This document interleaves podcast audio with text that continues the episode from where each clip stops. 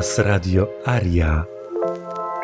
Nadajemy na falach ludzkich, ciepłych i wzniosłych.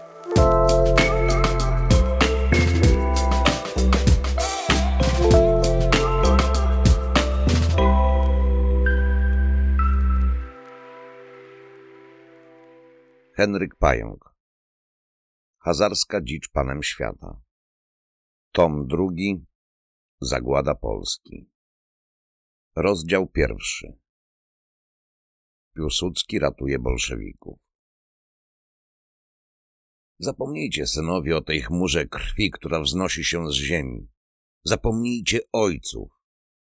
Ich groby obróciły się w popiół i pył.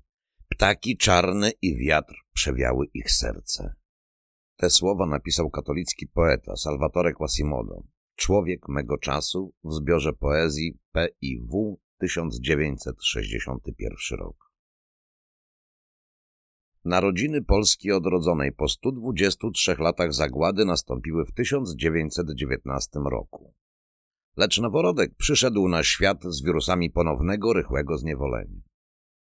Pierwszym i najważniejszym z nich było odrzucenie przez Józefa Piłsudskiego, konfidenta i agenta wpływu Niemiec i Austrii, szansy na zniszczenie żydobolszewickiej zarazy.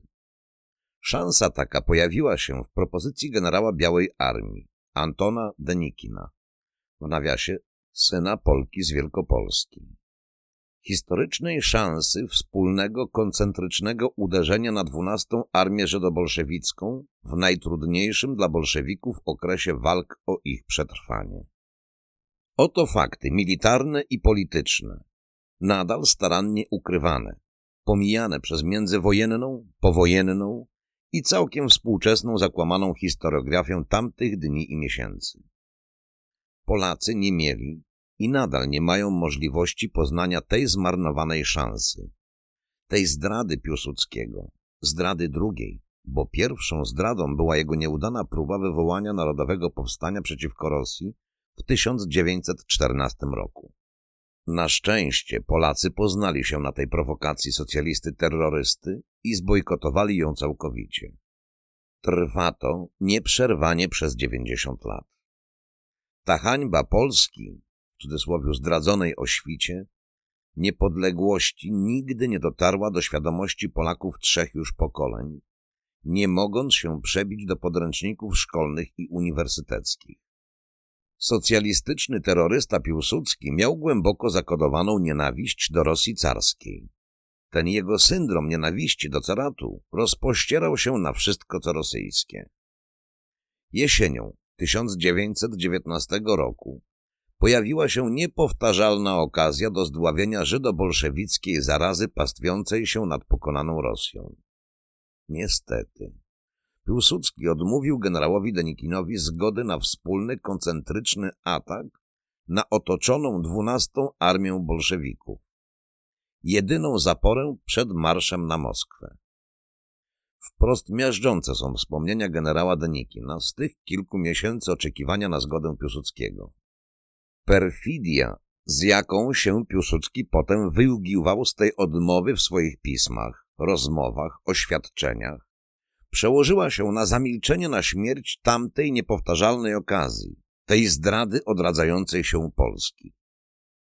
Generał Denikin pisał, cytowany w książce Jana Engelgarda, klątwa generała Denikina, wydanej w 2011 roku. Cytat.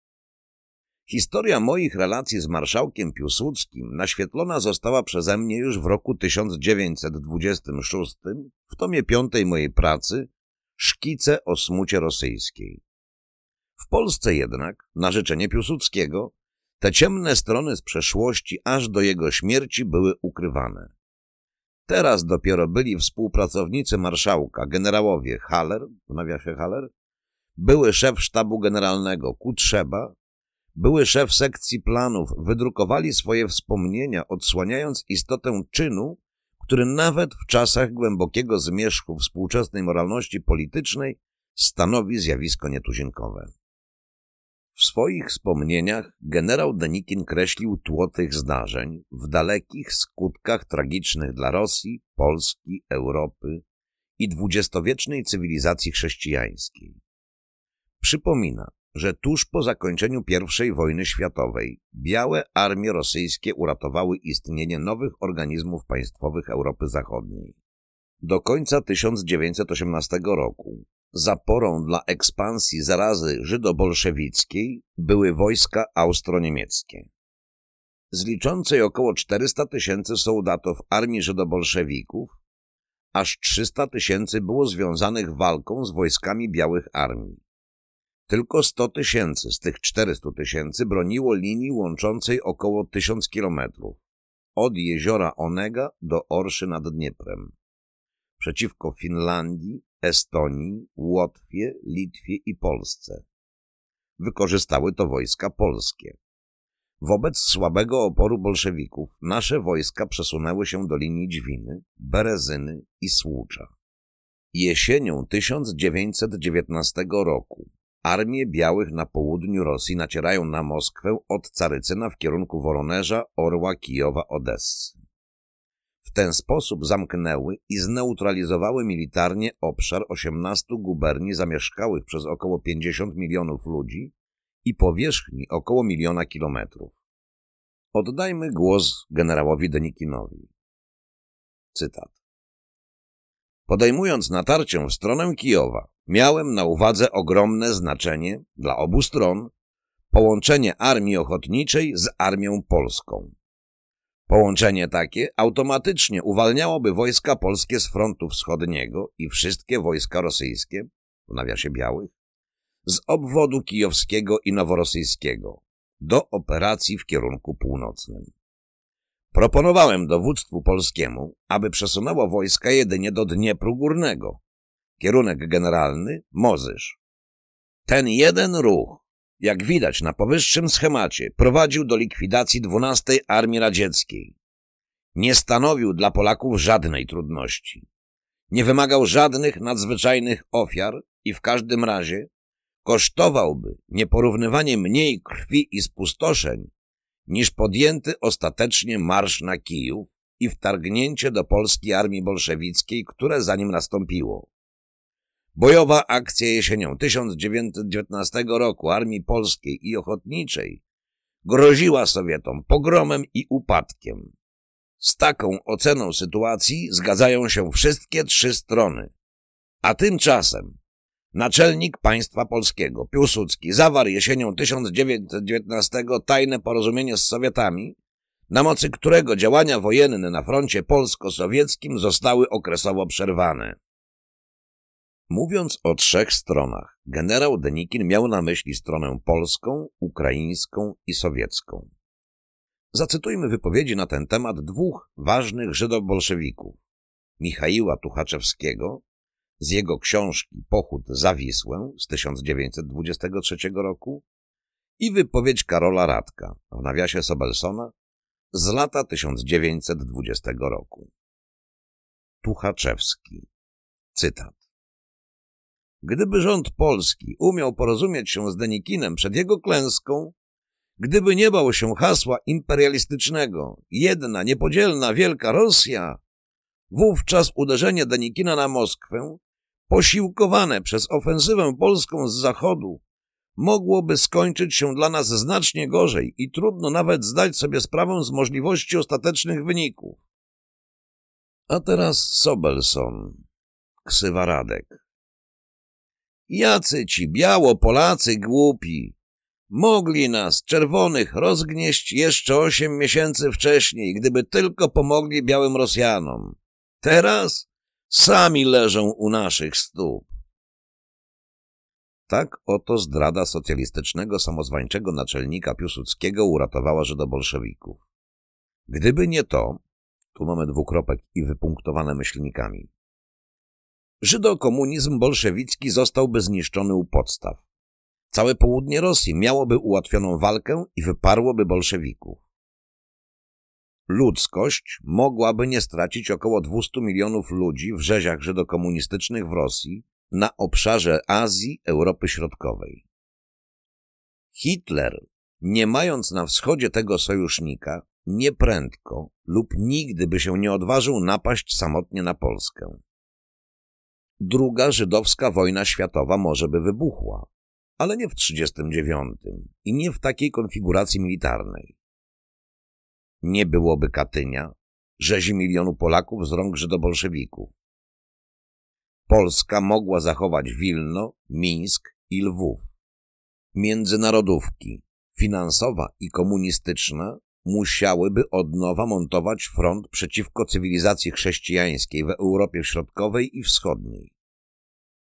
Piłsudski stałby się prawdziwym bohaterem narodowym, a nie zdrajcą sprawy polskiej, nie wspólnikiem i wybawicielem żydobolszewików.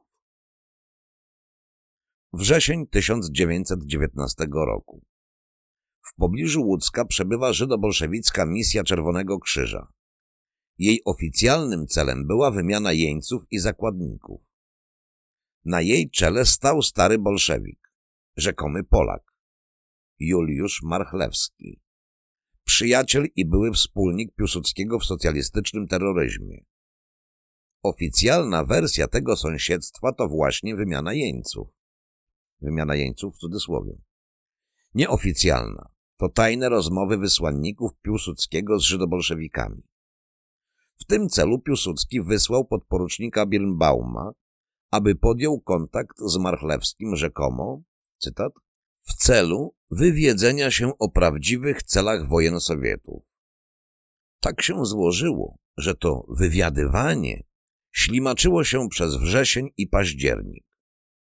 Żydobolszewicy jednak albo nie ufali Birnbaumowi, którego potem rozstrzelali w Katyniu, albo jako podporucznik był on zbyt pośredniej rangi posłańcem Piłsudskiego.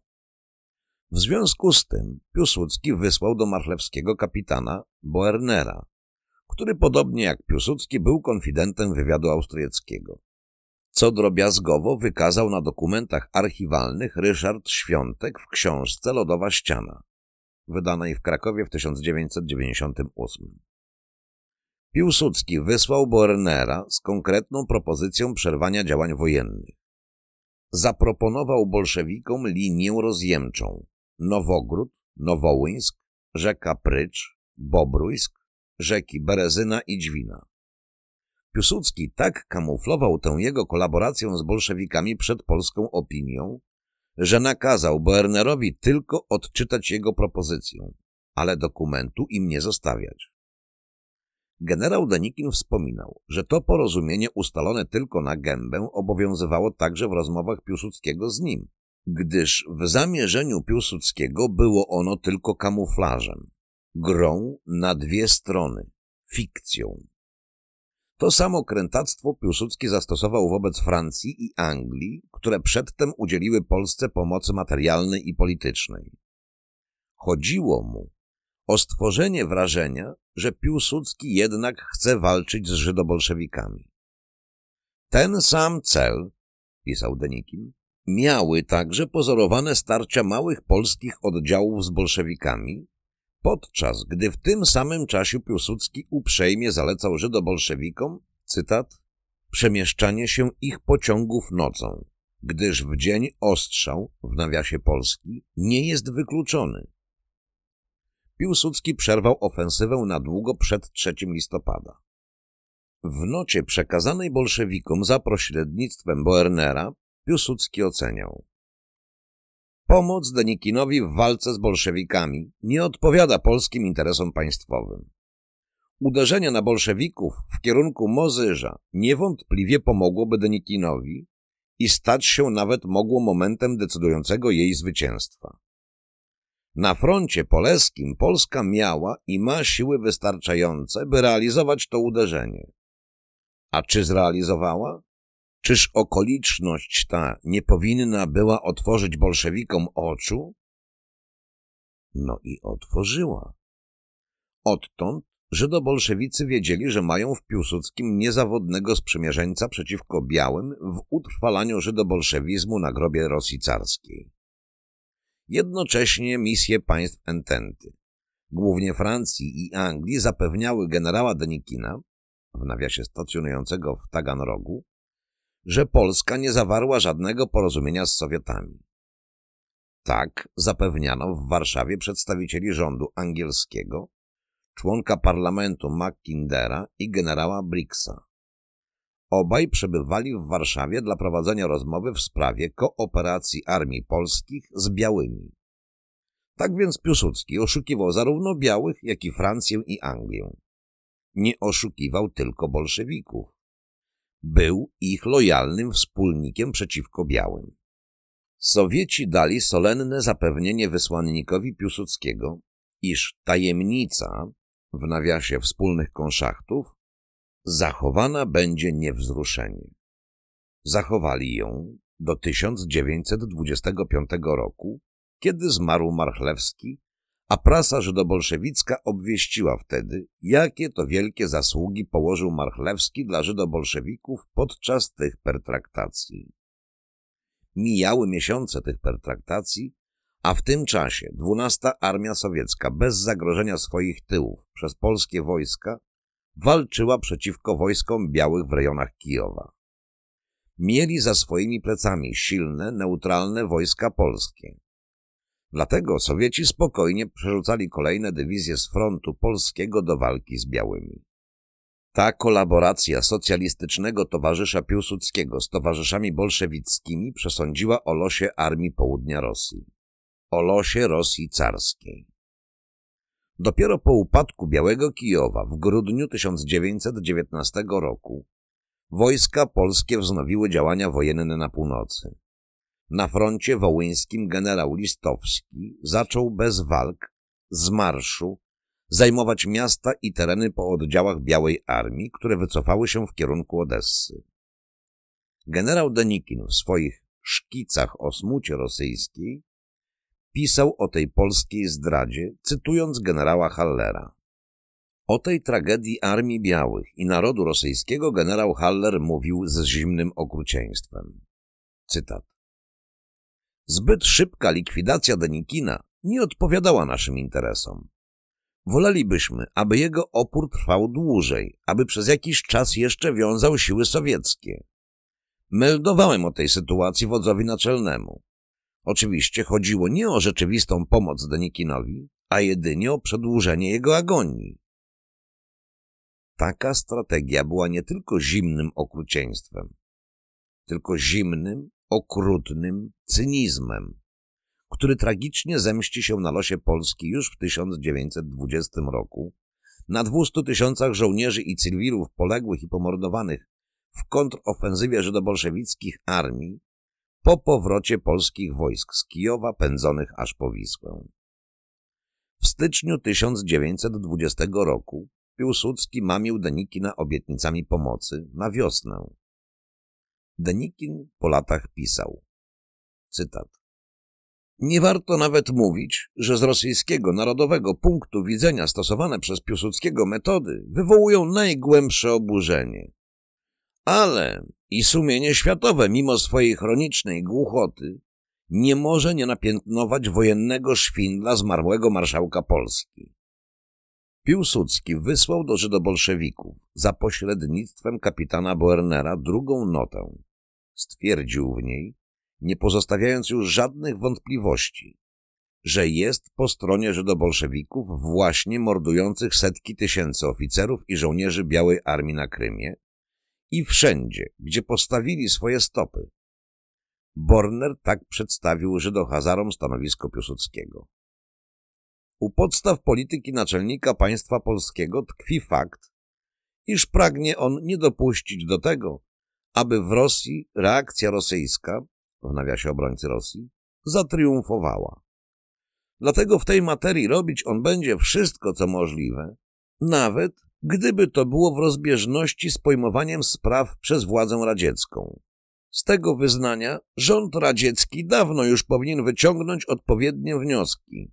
Tym bardziej, że już od dawna przy pomocy realnych faktów naczelnik państwa udowodnił, jakie są jego zamiary. Generał Danikin powołał się na kuriozalne, szokujące, cyniczne wyznanie generała Tadeusza Kutrzeby. Cytat.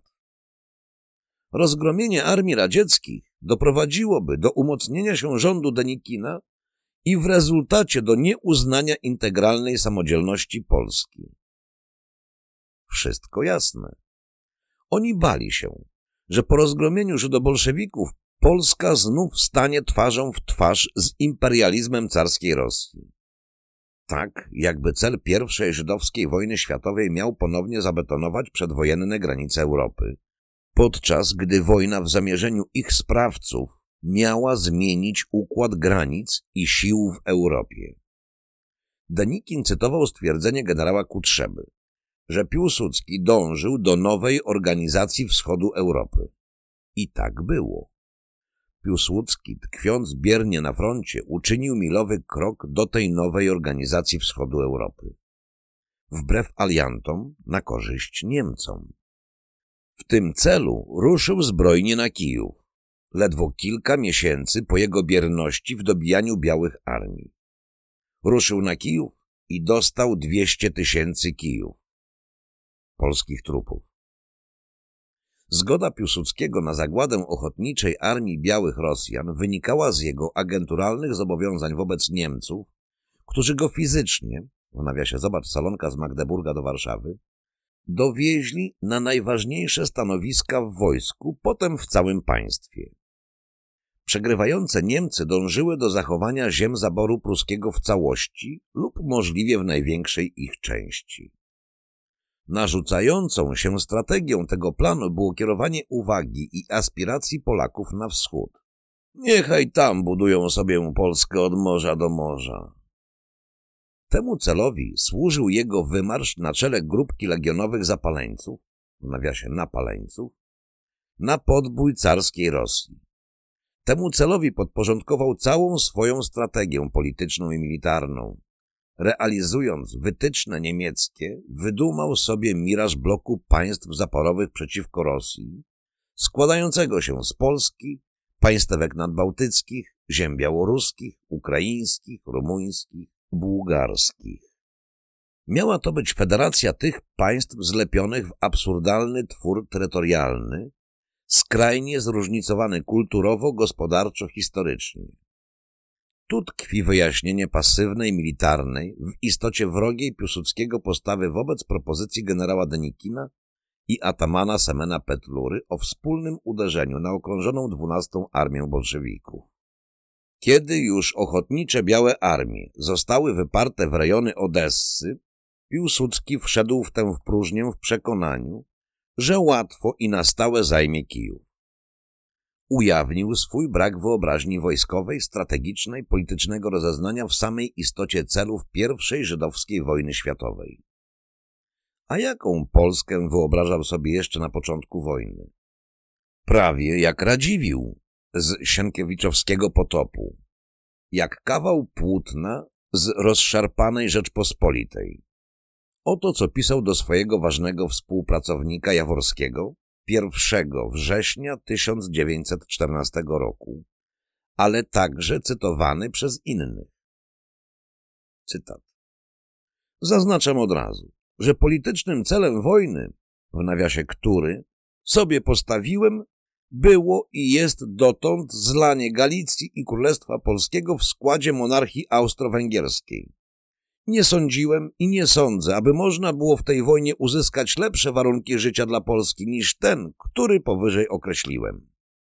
Ot i cała strategia tego żmudzina, tego niby Litwina. Niszczenie polskości przez zwycięską Żydohazarię w całym XX wieku polegało głównie na stawianiu na czele zniewolonego narodu obcych nam miernot. Agentów piątej kolumny, takich jak Piłsudski, aż po Anno Domini 2012 włącznie. Inny wirus zagłady Polski odrodzonej na prawach wyroku śmierci wyszczepili nam Żydzi z obydwu międzynarodówek, finansowej i komunistycznej.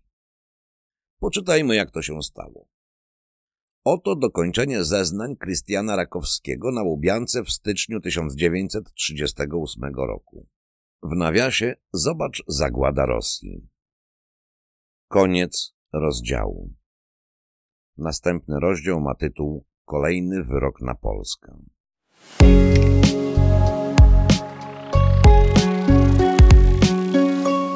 Radio Aria.